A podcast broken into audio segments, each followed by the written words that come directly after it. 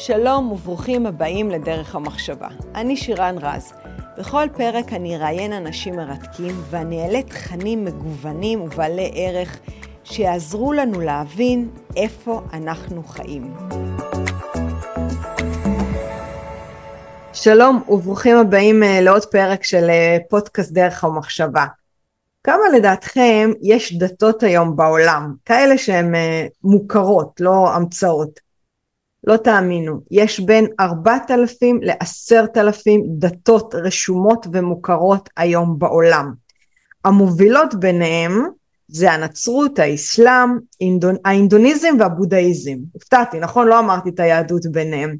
עכשיו איך יכול להיות שאנחנו 16 מיליון יהודים כמעט, עוד לא הגענו לשם בעולם, כמעט 50 אחוז בארץ, ואנחנו עושים כל כך הרבה רעש, הרי כל הדתות יש להם סמלים, פולחנים, כל מיני אנשים קדושים, כאלה שמצהירים שהם קיבלו את uh, תורתם שלהם מגורם שמיים, הם אלה שיודעים מה זה מוסר, מוסר אישי, מוסר מדיני, מוסר לאומי, יש להם סמלים, פולחנים, עולם שלם.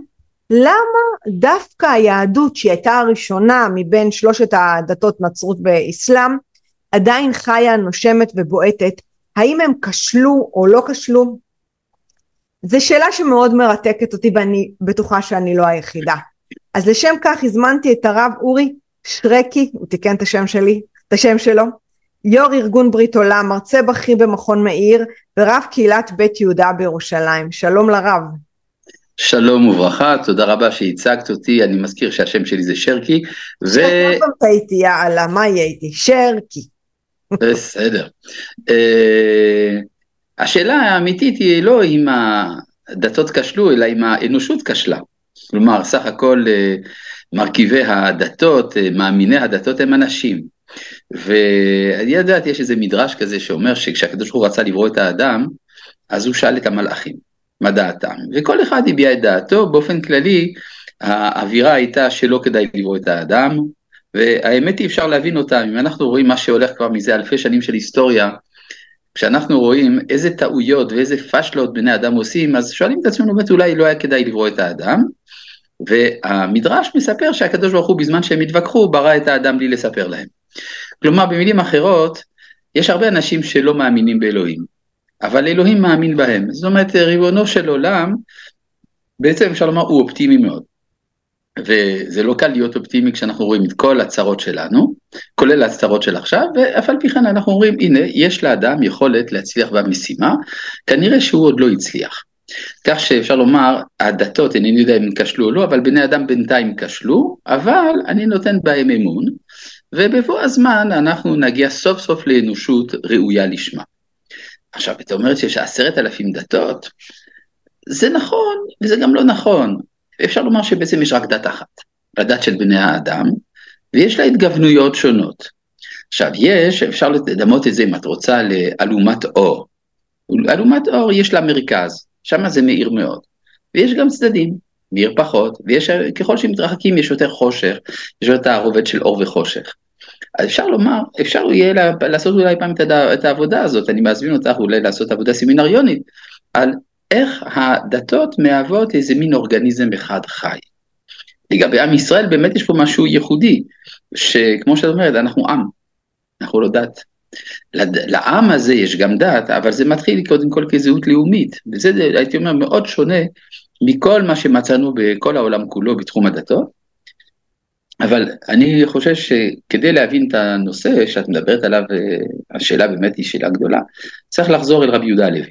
רבי יהודה הלוי אמר משפט תמציתי ואני חושב מאוד אמיתי, ישראל באומות כלב באיברים. זאת אומרת... ישראל באומות כלב? כן, ישראל באומות כלב באיברים. אז איברים יש הרבה, לב יש רק אחד, והוא קטן, אבל הוא נותן את החיות. אבל מה תהיה המשמעות של הלב בלי כל האיברים האלה? זאת אומרת, בסופו של דבר, עם ישראל והאנושות והדתות, כל זה מהווה איזה מין מכלול אחד, שכנראה ריבונו של עולם מעוניין בו. את יודעת איך אמר פעם פרנס רוזנצוויג, הוא אמר, אלוהים לא ברא את הדת, הוא ברא את העולם. וכיוון שהוא ברא את העולם, אז הוא גם נתן הופעות, דתות וכדומה.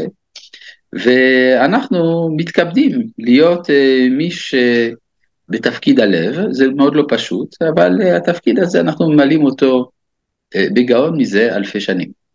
אבל אין בזה משהו קצת יהיר שאנחנו אומרים אוקיי אנחנו הלב אתם האיברים אה, קם מוחמד אה, ואחרינו והוא אמר אה, בסדר בוא נתחבר קצת ניקח חלק מה, מהיהדות מה שמתאים מה שלא נמציא משהו חדש ואתם כבר פסה אתם כבר אייפון עם, עם מהדורה שלא מספיק משוכללת. ובואו הנה אנחנו אנחנו טובים יותר מכם. מה מה למה אתם הלב? אני אגיד לך משהו שפעם אמר אה, יובל נוח הררי. הוא כתב ספרים שהם היום נחשבים לרבי מכר, ואחד ה... אחת הטענות שהוא מעלה בספרו קיצור תולדות הזמן, לא, קיצור תולדות האנושות, כן, האנושות, כן, אה, התבלבלתי עם הוקינג, אה, קיצור תולדות האנושות, הוא אומר שעם ישראל לא מילא תפקיד משמעותי בהיסטוריה. נכון. כן, הוא זורק את הפצצה הזאת, והוא מביא, שמה תאמר, אבל יש גם יהדות, ונצר, יש גם אסלאם וגם נצרות שיצאו מן היהדות, אז הוא אומר, זה בדיוק כמו שהאימא של ניוטון, היא זו שילדה את ניוטון, אבל לא היא המציאה את חוק הגרביטציה. זאת אומרת שבסופו של דבר, זה שהיינו הגורם שדרכו הופיעו הדתות האלה, זה לא נותן לנו מעמד מיוחד. על זה אני עניתי, אני חושב שזה מאוד נכון. ניוטון מעולם לא טען שהוא האימא שלו. מה שאין כן, הנצרות והאסלאם, ובמידה רבה גם ההינדואיזם, אה, סבורים שהם הם עם ישראל. כלומר, אה, בכנסייה אומרים עד עצם היום הזה, אנו ישראל עם קדושך. גם עבור אה, האסלאם, מוחמד הוא שארית הנבואה הישראלית, והוא חותם את הנבואה הזאת. כלומר, במילים אחרות, כולם רוצים להיות אנחנו, אז כנראה שאנחנו זה כן חשוב.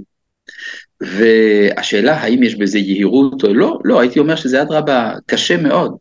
כן, הרי כשאנחנו אה, ממלאים את תפקידנו בהיסטוריה, א', זה קצת בעל כורחנו, וזה מלווה בסבל אדיר, אני לא חושב שיש אומה בעולם שהייתה מוכנה לקבל עשירית מן הסבל של העם היהודי. אז כך שאפשר אה, לומר שמי שלא רוצה לקחת אחריות על התפקיד שלו, הוא חסר אחריות. כלומר, הוא פוגע באנושות. אם אני לא מקבל את הרעיון של עם סגולה, אני פוגע באנושות. אגב, צריך להבין שהמושג של עם סגולה הוא, הוא מושג נפלא. זה מושג אוניברסלי. ואני אסביר מדוע. משום שאם אני מדבר שיש עם נבחר בין העמים, משמע שיש העמים. דבר נוסף, זה אומר שאני לא דורש מאחרים להיות אני. כן, אנחנו הרי סבלנו הרבה מהאימפריאליזם התרבותי והדתי של הדתות, שדורשות מכל העולם כולו להצטרף. עם ישראל לא דורש דבר כזה, יש אמנם תורת בני נוח, שהיא המינימום שבמינימום של המוסר הכללי, אבל אדרבה, להיות עם סגולה, זה מה שמאפשר לכל אומה ואומה לבטא את הסגולה שלה. ולכן אני מאוד מרוצה דווקא מהיהדות בתחום הזה, שהיא יודעת לכבד כל אדם באשר הוא. אבל אתה יודע, מה שאני יכולה גם לשמוע זה עוד זווית לאמירה הזאת, שאם כל אחד בוחר להיות עם סגולה והדתות הם משהו שאנחנו ככה מחזיקים חזק ומפחדים לשחרר, אז בעצם יש פה איזשהו מאבק אינסופי, הרי כל אחד יבוא ויגיד אנחנו עם סגולה, ויש הרבה טענות כאלה ש, שמטילות את האשמה על המלחמות בעולם אה, על הדתות, זאת אומרת הדת, הדת היא בעצם מקור כל, כל המלחמות, לא משנה שיש הרבה דיקטטורים שהרגו מיליונים רבים אה, ולא בשם הדת, אבל, אבל, אבל אני רוצה כן לפרק את הטענה הזאת, האם כל אחד שיחזיק בדת ויגיד זה שלי, לאן נגיע בסוף? תראה, אני אגיד לך מה שפרופסור עמנואל לוינס, זיכרונו לברכה, אמר, כל עם גדול מחויב מבחינה מוסרית להיות עם סגולה. אוקיי. זאת אומרת, כל אחד צריך להביא את התרומה שלו הייחודית להתפתחות של האנושות. הסכנה היא כאשר האדם רוצה לכפות את הדגם שלו על הכל, ואת זה מצאנו דווקא אצל דיקטטורים כמו שאת ציינת בהחלט, המרקסיזם אה, במיוחד, אה, הנאציזם במידה מסוימת, אלה היו דגמים שניסו לכפות זהות מסוימת על אחרים. הייתי אומר שאם אנחנו מדברים על שפיכות דמים, אני לא הייתי מייחס אותה לא לדתות וגם לא לאתאיזם, אלא הייתי מייחס את שפיכות הדמים לאדם. בני אדם הם רוצחים, בני אדם שופכים דמים. עכשיו, משתמשים בשביל זה באידיאולוגיות, משתמשים בזה בטענות דתיות, אבל זה לא מתחיל משם. אלמלא שיש נטייה הרסנית, ברברית, בנפש האדם, אז כל התכנים הרוחניים האלה לא היו משמשים לשם הצדקת שפך, שפך הדמים. כך שאני גם רגוע מהבחינה הזאת, כן, אלא שמה תאמר, יש בתוך היהדות הלכות מלחמה ומלחמת מצווה וכדומה, אנחנו מבינים שאלמלא שהשתתפנו במלחמות של ההיסטוריה, אז כבר לא היה לנו מה לומר, העולם היה נופל לתוך ברבריות חשוכה ללא כל תקווה של תקומה. אז צריך להגיד תודה לעם ישראל שנהג כפי שנהג במהלך ההיסטוריה וגם על המלחמות שלפעמים היו אכזריות שלו כי זה היה נצרך על מנת להביא את האנושות למה שהיא היום. אנושות הרבה יותר נאורה, הרבה יותר מפותחת מבחינה מוסרית וערכית ממה שאנחנו רואים לפני כמה אלפי שנים. את יודעת, זה מזכיר לי לפני כמאה שנה מישהו אמר לרב קוק היום המצב יותר גרוע מאשר בימי התנ"ך. אז הרב קוק אמר לו, תסתכל שמה בגבן הינום, ליד הסינמטק של היום, אמר לו, שמה היו אה, שורפים תינוקות לאלים.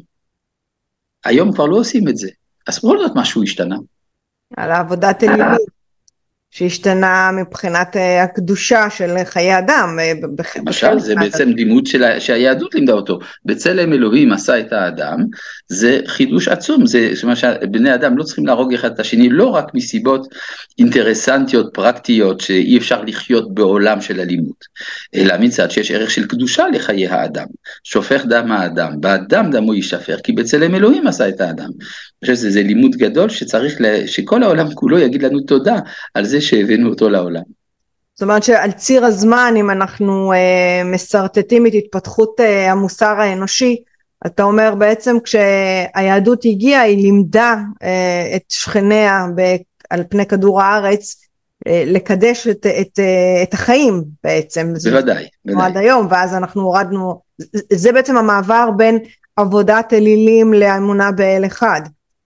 אפשר בהחלט להגיד, הייתי אומר שהאל האחד הוא אל אחד מוסרי, כלומר לעומת מה שאנחנו מוצאים למשל באסלאם.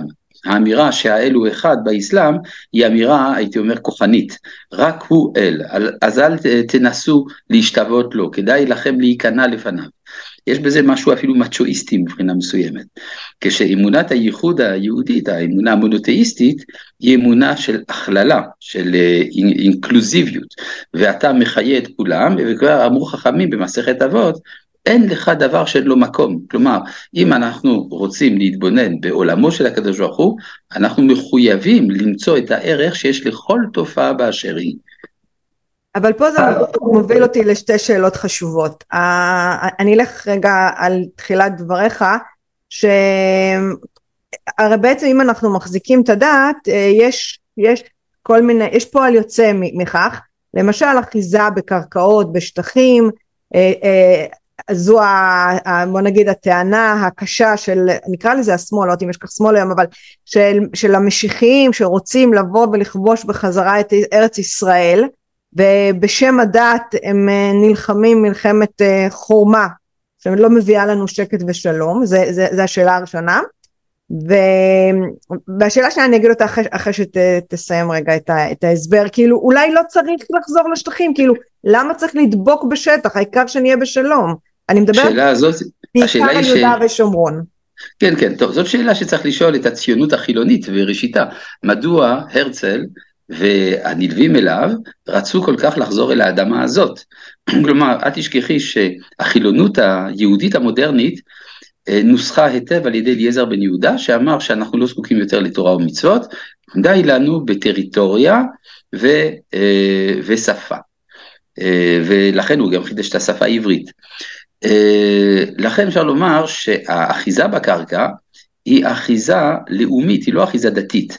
גם כשהקדוש ברוך הוא כורת ברית עם האבות, אברהם, יצחק ויעקב, הברית היא על הארץ ולא על התורה. כך שניתן לומר שעם ישראל כשהוא חוזר אל ארצו, חוזר אל זהותו המקורית, ומתוך כך הוא גם יכול להשפיע על כל העולם כולו. אפשר לומר שבמידה רבה האנושות, אם היא חפצה בחיים, צריכה להיות מעוניינת בזה שעם ישראל יחזור לארצו. הטענה שהדת היא זו ש...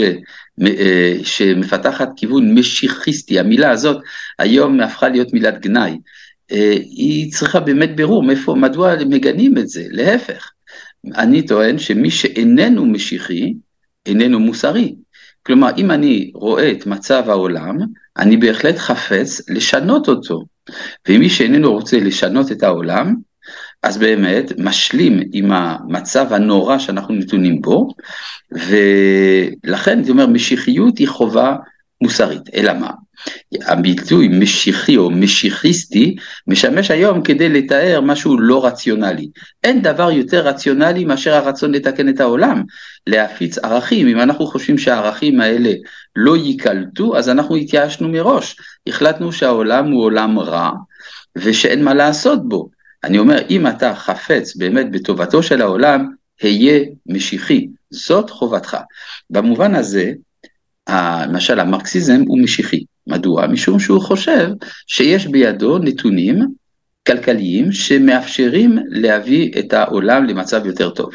לעומתה, הנצרות למשל איננה משיחית, משום שהיא חושבת שאין בידי האדם להביא לעולם יותר טוב, הוא זקוק לאיזה מין אל מן השמיים שעושה את העבודה בשביל האדם. לכן, אה, אם כבר אנחנו חפצים בציונות, חפצים בשיבת ציון, הבה גם נהיה משיחיים. והאסלאם הוא גם משיחי? האסלאם איננו משיחי במובן הזה שהוא לא מאמין בהיסטוריה. כלומר, מאחר, ואני מדבר על האסלאם הסוני, שהוא כן. היום האסלאם המרכזי, שסובר שאין בחירה חופשית לאדם, הכל מנוהל על ידי האלוה. אז זה נכון שהם מאמינים שהעולם בסוף ישתנה, יהיה כולו מוסלמי, כולו משועבד לאסלאם, אבל זה לא בעצם מעשה האדם, זה מעשה האלוהים. ולכן אה, אפשר להבין מדוע במשך ההיסטוריה היו תקופות ארוכות מאוד שבהם האסלאם מלבד לכבוש לא עשה שום דבר. כן, הרי הכיבוש המוסלמי מהאוקיינוס האטלנטי ועד פאתי סין נעשה במאה השנה הראשונות של האסלאם. אחר כך הייתה איזה סוג של סטגנציה. אה, אפשר לומר שאחד המשברים הגדולים שהאסלאם חווה היום זה חוסר היכולת שלו להתקדם בעולם מתקדם. כלומר העולם המודרני התפתח מאוד, העולם המערבי, מדינת ישראל, היהודים המבוזים, והנה האסלאם נשאר דורך במקום. זה משום שהם לא אימצו את המושג של משיחיות שמניח שלעולם יש גם התפתחות ושצריך לפעמים לעשות התאמות גם בתכנים הדתיים על מנת לתקן את העולם. אתה יודע זה, מה זה מזכיר לי, אני עושה רגע איזושהי מטאפורה לעולם העסקי, כי אני, אני עובדת הרבה עם ארגונים, והדבר הראשון שכל ארגון, חברה, עסק צריך זה חזון. אם אין לך חזון אז אתה לא יודע לאן אתה הולך, ומשם בעצם אתה גוזר את הערכים בדרך הפעולה. אז בעצם באיזשהו מובן המשיחיות זה, זה החזון שהם אה, אה, עם או מדינה שאין לו את, את הנקודה הזו שאליה הוא צועד אז הוא הולך לאיבוד והוא מתחיל ללכת במעגלים כמו שקורה כרגע אה, לאסלאם. אה, ומשהו מעניין זה שיש עוד טענה אני ככה את יודעת שם לב שאני ככה מנסה לפרק איתך טענות שאם כבר מדברים על, על, על אוכלוסייה שלא מתפתחת, שלא עושה התאמות למה שקורה בעולם, יגידו את זה על החרדים, יגידו את זה על, על, על החבר'ה המאוד מאוד דתיים במדינת ישראל ומחוצה לה, שהם סוגרים את עצמם מפני ההתפתחות, ואז הם אה, בעצם אה, לוקים בבורות. איך אתה כן. רואה את זה? אני אגיד לך משהו, מי שיהודי זה הקדוש ברוך הוא. והתוכנית שלו מתממשת לא על ידי קבוצה זאת או אחרת בעם ישראל, אלא על ידי עם ישראל כמכלול. וריבונו של עולם סידר שבהתפתחות תמיד צריכים שיהיו שני גורמים, גורם מתקדם וגורם עוצר. אז אם החרדים אה, מנדבים את עצמם להיות הגורם העוצר, הברקס, אה, בבקשה, רק ריבונו של עולם איננו אלוהי החרדים, אלוהי, הוא אלוהי ישראל, ודרך אלוהי, בתור, אה, דרך עם ישראל הוא גם אלוהי כל העולם כולו. אז כך שאם מישהו מחליט להיות לא רלוונטי במהלך ההיסטוריה, אפשר להבין את זה אגב, מצד הטראומות שהחרדים חוו במפגש עם העולם המודרני וההשכלה, אז בסדר, אז הם ממלאים גם כן תפקיד, ואפילו לתפקיד הזה יש ערך כריזמטי. מבחינה מסוימת, הרבה אנשים כאשר מתייאשים מהעולם המודרני, אז פונים אל מה שהם רואים בו את האותנטיות. אה, מאחר ואינני אה, שייך לחברה החרדית, לזרם החרדי של המחשבה היהודית, אני מרגיש במקום מצוין, אבל אני מנסה קצת ללמד זכות גם כן. ואתמול בדיוק שמעתי אה, מישהו מתנועת הקיבוצים אה, שהתבטא ואמר אה, כל החלאות של הציונות הדתית צריך פשוט להחריב אותם ולהעלים אותם כי הם יגמרו לנו את המדינה.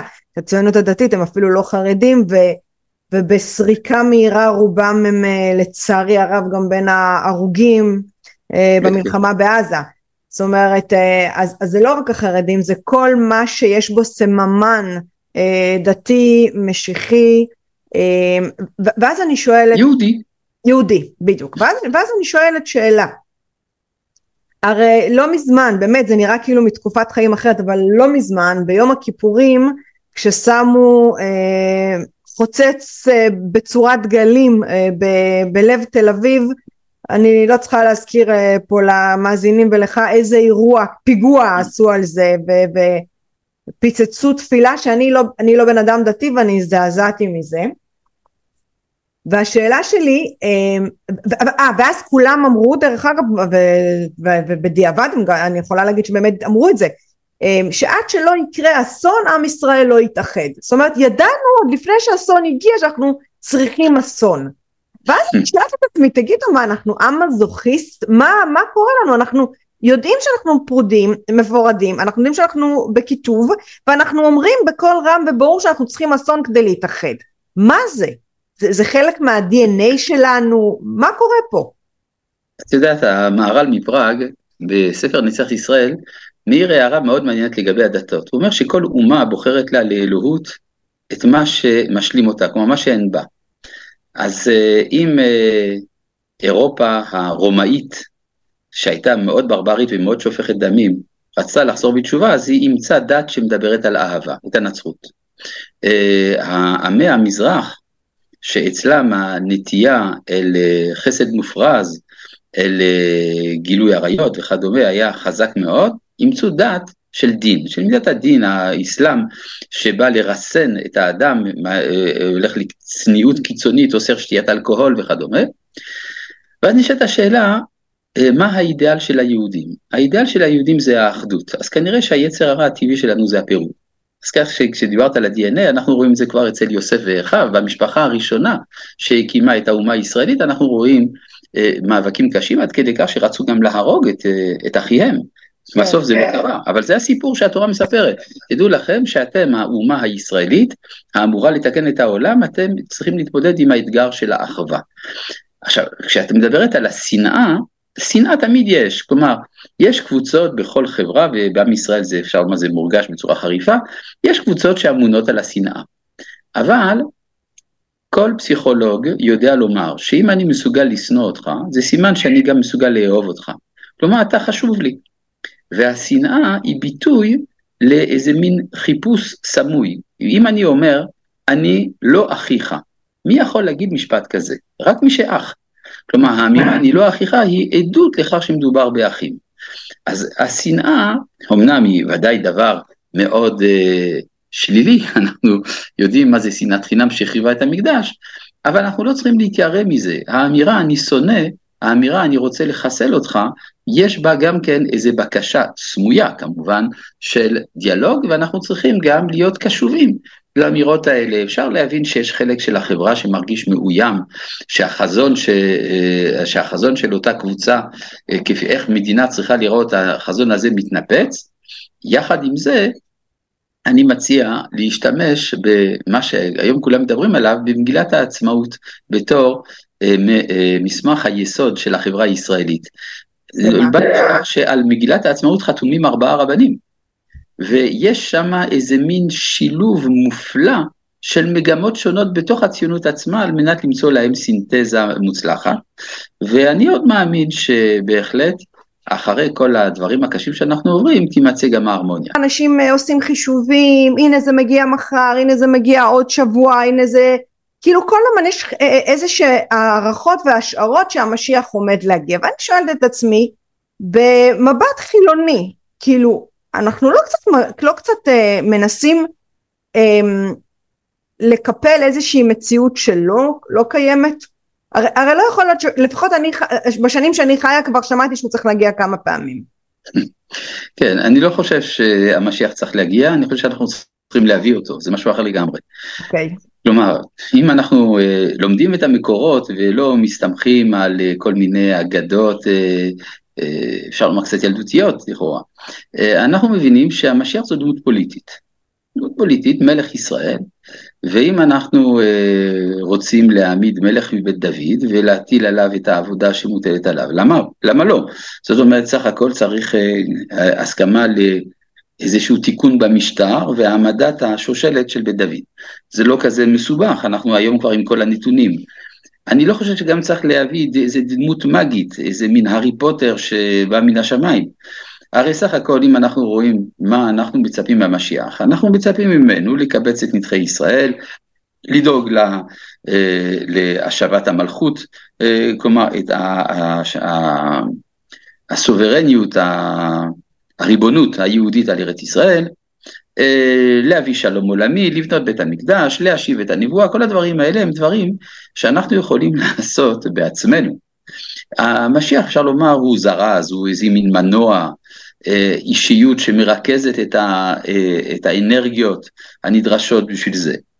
אבל אה, בסופו של דבר, האישיות משיח איננה כל כך מרכזית ביהדות כמו שלמשל באמונות אחרות, שרואים בו איזה מין מלאך שיורד מן השמיים וכשהוא מגיע הכל בסדר. הייתי אומר יותר מזה, כשהוא יגיע כבר יתחילו הבעיות, כלומר אה, הוא יצטרך אה, להתקבל על דעת הקהל, הוא יצטרך לפעול כל מיני פעולות שאולי ימשכו עליו אה, אשת ביקורת, זאת אומרת, אני לא חושב שהאישיות המשיחית היא כל כך משמעותית. מה שאת כן מדברת, ואני חושב שזה דבר מאוד משמעותי, השבת הנבואה. השבת הנבואה לא מדובר פה באיזה מין תופעה על גבול הפתולוגי של מישהו שפתאום מתחיל ב... היסטריה להגיד אה, דברים לא מובנים, אלא מדובר בעלייה תרבותית גדולה. התרבות הנבואית היא זו שנעלמה מן העולם לפני 2400 שנה עם הופעת הפילוסופיה וסילוק השכינה מישראל, ואנחנו מצפים לשינוע אה, מחדש של מעגלי ההיסטוריה באופן שאלוהים ועולמו יתפייסו, והפיוס הזה יביא לידי דיאלוג, והדיאלוג הזה יהיה דרך כל אה, כל מרחבי החיים כולם, דרך התרבות, דרך המדינה, דרך החקלאות והכלכלה, וגם דרך לימוד התורה. זאת אומרת, אנחנו אורגניזם חי, המורכב מהרבה מאוד חלקים, והאורגניזם הזה הוא זה שאלוהים מדבר איתו. התופעה נקראת נבואה. אתה יודע, ב, ביהדות אומרים שמה שיש למעלה יש למטה, זאת אומרת מה שיש בתוכנו בעצם קיים גם בחוץ, נכון? יש איזושהי הקרנה על עולמות הפנימיים אה, לבחוץ. ואז עכשיו שאני מסתכלת סביבי ואני רואה את המלחמה בעזה ועוד שנייה אולי גם בלבנון ואני אומרת להיות שאנחנו היהודים יצרנו את המלחמה הזאתי כי הרי, הרי מה שקורה בחוץ זה מה שקורה בפנים אני לפחות נורא מאמינה בגישה הזו אפילו שהיא לא דתית זה משהו רוחני שאתה רואה מה שקיים. הייתי אומר דבר פשוט ביותר. אוקיי. Okay. אה, עצם המושג של ישראל והעמים זה מונח שיוצר איזו דינמיקה של התנגדות. כלומר, תארי לעצמך שאת נכנסת לאיזה חדר שבו יש מאה אנשים שמדברים אחד עם השני, mm-hmm. ואת נכנסת ואומרת, אני ואתם. זהו, זה כל מה שאמרת. עצם האמירה הזאת זה יוצר גלי התנגדות או אהדה. אדישות ודאי שלא. כלומר, הנוכחות של. התביעה המוסרית של עם ישראל, התביעה הערכית במהלך ההיסטוריה, לא יכול להיות שתשאיר את העולם אדיש. ואכן, ברגע שהתחלנו לפעול בהיסטוריה, משכנו לעצמנו אש. זה נכון. עכשיו, האם אנחנו מעוניינים במלחמות? התשובה היא לא. אבל האם ההשגחה העליונה מסדרת את, ה, את ההתפתחות ההיסטורית גם דרך המאבקים האלה? התשובה היא כן. זה, אם כן, זה מורכב. זה מורכב. אה, מה שאת אומרת שיש בפנים ובחוץ, זה לא רק ביהדות. אני חושב שגם אה, פרויד אמר את זה. כן? כשפרויד אומר שהמושג של אלוהים בנפש האדם בנוי מהמושג שיש לאדם על אבא שלו, הוא אומר את אותו הדבר שהיהדות אומרת, רק בכיוון הפוך. כלומר, אם לפי פרויד אני צריך לחשוב על אה, אבא שלי, מה שאני חושב, על, מה ש, על, על אלוהים, מה שאני חושב על אבא שלי, ביהדות יגידו הפוך, מה שאתה חושב על אלוהים אתה צריך לחשוב על אביך. זאת אומרת, אה, אה, ריבונו של עולם נתן לנו את ההורים, ולכן אנחנו מכבדים אותם כמו שאנחנו מכבדים אותו. אה, גם בכלל זה מושג אה, כללי בפילוסופיה, אפלטון כבר דיבר על עולם האידאות, על עולם שמקביל לעולמנו. כך שאני לא חושב שזה אה, לא דתי ולא חילוני, זה פשוט רוחני. הרוח, העולם רווי ברוחניות, ויש הרבה מאוד גלי אנרגיה שעוברים מהיחיד אל הכלל ומן הכלל אל הסופר כלל. אה, גם ב, אם את למדת קצת רפואה אה, מזרחית, אז את מבינה מה זה מרידיאנים, שהמרידיאנים הם אה, תנועות קוסמיות שנפגשות בתוך נפש האדם, כך שאני לא מתפלא על זה שיש התאמה בין מה שקורה בחוץ ובין מה שקורה בפנים, ואני גם מאמין שככל שנוסיף יותר אהבה מבפנים, אז כך גם יהיו פחות מלחמות מבחוץ. אתה יודע, זה כל פעם משאיר אותי בקונפליקט של אלו שאומרים בואו באמת נאהב מבפנים את האויבים שלנו, הפלסטינים, העזתים, אה, הערבים שנמצאים ביהודה ושומרון, זאת אומרת, אולי אנחנו לא באמת מספיק אוהבים אותם ובגלל זה אנחנו כל הזמן במלחמה, לעומת הדעה השנייה שאומרת אין, לא משנה כמה נאהב, כמה ניתן, אנחנו עדיין נהיה מטרה להרג וחורבן. אה, לא יודעת אם יש לזה תשובה, כן, אבל... התשובה היא פשוטה מאוד. כן, שמה? אנחנו נלחמים מרוב האהבה. זאת אומרת, אה, איך אמרה בזמנו גולדה מאיר, זיכרונה לברכה, אמרה, אנחנו לא נסלח לערבים על זה שהם הכריחו אותנו להרוג את בניהם. זאת אומרת, בסופו של דבר, העוצמה של ההתנגדות, של המלחמה, של, ה, של הנחרצות שלנו נגד אויבינו, זה נובע מזה שיש לנו תביעה לאנושות יותר טובה. זאת אומרת, אנחנו דורשים מעצמנו ומהם להופיע אצל אלוהים שבאדם. במידה וזה אה, נתקל בהתנגדות כמו שאנחנו רואים, אנחנו מוכרחים להשתמש באמצעים נחרצים, אם אנחנו לא עושים את זה, אז סימן שאנחנו לא אוהבים אותם באמת. אם אנחנו אוהבים אותם באמת, אנחנו צריכים גם להילחם. אתה אמרת אה, איזשהו משפט אה, באמצע ההסבר שלך שבעצם הכל זה הנהגה עליונה, הכל יש איזשהו רצף של אירועים שהיו ויהיו ובעצם איפה פה, איפה פה האחריות, האחריות שלנו על ההנהגה הפוליטית? זאת אומרת הרי, הרי אם, אם בורא עולם אה, מחליט שאלו יהיו המנהיגים שלנו והם אלה שיכתיבו לנו לטוב ולרע, אז איפה, איפה אנחנו? הרי המנהיג זה, אה, זה, זה דמות העם, נכון? כאילו, אני מניחה. אני חשבתי שזה בני אדם אה, במשטר דמוקרטי שבוחרים את המנהיגים. זאת אומרת, אנחנו, נכון שהקדוש ברוך הוא מסכים על ידינו, אבל איך אומרים, אין ממנים פרנס על הציבור, אלא אם כן נמלכים בציבור תחילה. זה היסוד הדמוקרטי של ההנהגה הפוליטית ביהדות. וזה נכון שיש הנהגה עליונה, אבל ההנהגה העליונה הזאת, עוברת דרך הבחירה החופשית של האדם. אנחנו באיזשהו מקום מטים את המסלולים של ההנהגה העליונה אה, לאן שאנחנו מעוניינים, כך שלפעמים דברים עוברים דרך מסלול קצר, לפעמים מסלול בינוני או ארוך. בסופו של דבר הבחירה החופשית של האדם מאוד פועלת כאן. אלא מה? נאמר, נכון, ההיסטוריה בכללה יש לה כיוון ברור, בסוף הכל יהיה טוב. אז מה אנחנו עושים באמצע? אנחנו קובעים כמה זמן זה ייקח וכמה סבל. ואני חושב שזה מאוד משמעותי, הזמן והסבל. זה אה, לוקח אותי לעוד שאלה על, ה, על, על ציר הזמן, שהחיבור בישראל מאוד ברור בין דת ומדינה, אוקיי? הוא משולב, אתה רואה את זה היום בצבא שנפתחה המלחמה, את ההתרוממות, את הווליומים האדירים של גם חיילים חילונים שרוצים ציציות, אני, אנחנו חילונים, הבן שלי בא לאפטר עם ציצית עליו, אני לא הבנתי מאיפה הציצית הזאת הגיעה. זאת אומרת שאתה רואה אה, אה, אה, התקרבות לדת, מג"דים שתוקעים בשופר לפני שהם נכנסים לעזה, פתאום איזשהו אה, דיקן באוניברסיטת חיפ, אה, תל אביב מדבר דברי תורה, זאת אומרת דברים שעד לפני חודש לא היינו מעיזים בכלל אה, לדבר אותם. אבל עדיין אני מניחה שמבעבע בתוכנו בחלקנו את הפחד שהמדינה שלנו שישראל הופכת להיות דתית. אז עכשיו אנחנו בזמן מלחמה ורוצים הגנה ובאופן טבעי אנחנו הולכים לאמונה. אבל איפה אתה רואה את המסלול של ישראל? האם באמת היא עוברת איזשהו תהליך של הדתה, אה, של תהליך שהחילונים לא יהיה להם מקום והליברליות תיעלם מן העולם? קצת... לא, זה הרבה דחלילים שמניחים, כלומר אה, ההבחנה בין דת למדינה ביהדות מעולם לא הייתה קיימת בצורה רצינית. עד עצם היום הזה ברישומים של משרד הפנים כל אחד מאיתנו כתוב גם מה הדת שלו וגם מה הלאום שלו. עכשיו לגבי היהודים כתוב דבר מאוד פרדוקסלי. לאום יהודי דת יהודי. אז תחליט או שהיהדות היא דת או שהיא לאום. אז זה ברור שהמרכיבים של הזהות היהודית הם הרבה יותר רחבים מהמושגים של דתיות.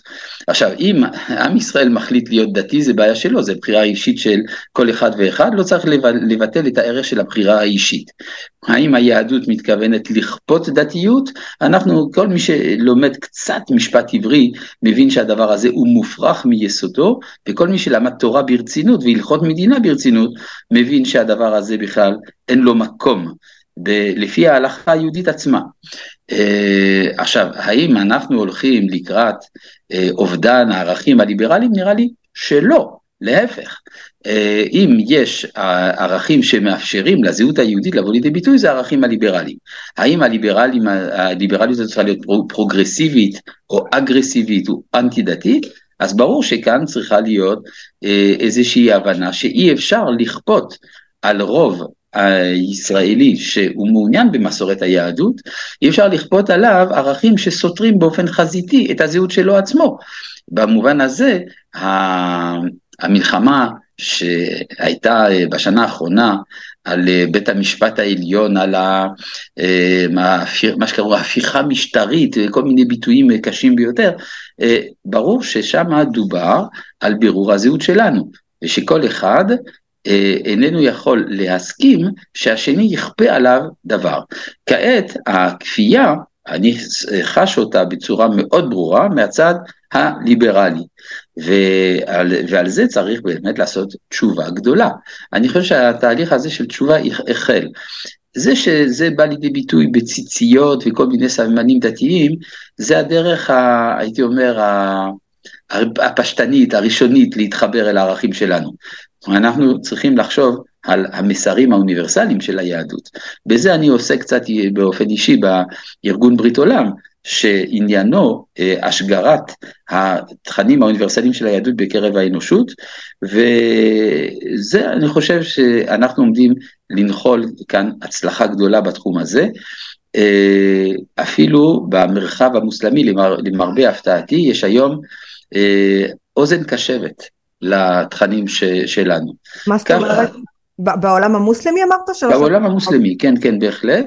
אה, אה, לעומת מה שקורה היום במערב, הדברים האלה הם מחתרתיים. אה, מסיבה פשוטה, זה מסוכן. מסוכן במרחב המוסלמי לדבר על שינויים באסלאם, על הקשבה לתכנים של היהדות, אבל המציאות מקדמת את הרעיונות האלה, כך שאנחנו היום עומדים מול מול שינוי גדול מאוד בזהות האנושית. אני חושב שבכלל מה שקורה היום עם החמאס, מתחילים להבין את זה בעולם שמדובר על ג'יהאד עולמי. ולכן אה, העולם מתעניין בשאלה מה אנחנו, היהודים, מתכוונים לעשות במלחמה הזאת, משום שאירופה מרגישה מאוימת על ידי אסלאמיזציה, ארצות הברית מרגישה מאוימת על ידי בעלי הברית של החמאס, סין ורוסיה, וכאשר אנחנו בעזרת השם נוכל להכריע במערכה הזאת, אז תיווצר פרדיגמה חדשה של הזהות האנושית, שתהיה גם קשובה למה שיש ליהדות לומר. היהדות לא רק הדתיים, היהדות עם ישראל, עם ישראל כמכלול. אתה יודע, שמעתי את, קודם כל אני מאוד שמחתי לשמוע את מה שאמרת עכשיו, זה גם מחמם את הלב ונותן איזושהי תקווה, כבן אדם אופטימיסט אני אוהבת לשמוע דברים טובים, אבל שמעתי אתמול איזושהי, איזושהי תיאוריה מעניינת, שאנחנו היום, אנחנו החילונים והדתיים יותר קרובים מאי פעם, העם היהודי, העם שיושב בישראל, הישראלים קרובים ברמת הערכים ותפיסת העולם שלהם יותר מאי פעם ולכן מתחיל הוויכוחים על הדברים הקטנים כמו למשל מה שקרה ביום כיפור על ההפרדה.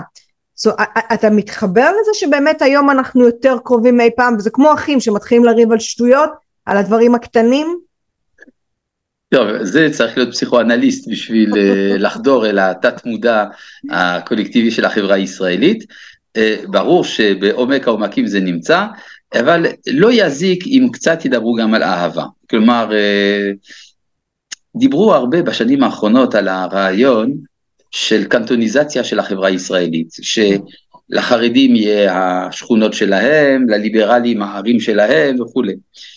זה היה ניסיון להקפיא את המצב, כלומר לקחת את, את תמונת מצלמה ולומר זה החיים, אבל החיים יותר חזקים מזה, בסופו של דבר כל אחד מאיתנו יש לו חברים מפה וחברים משם, קרובים מפה וקרובים משם, ואי אפשר שהדבר הזה לא ייצור איזושהי סינרגיה, והסינרגיה תביא לידי סינתזה.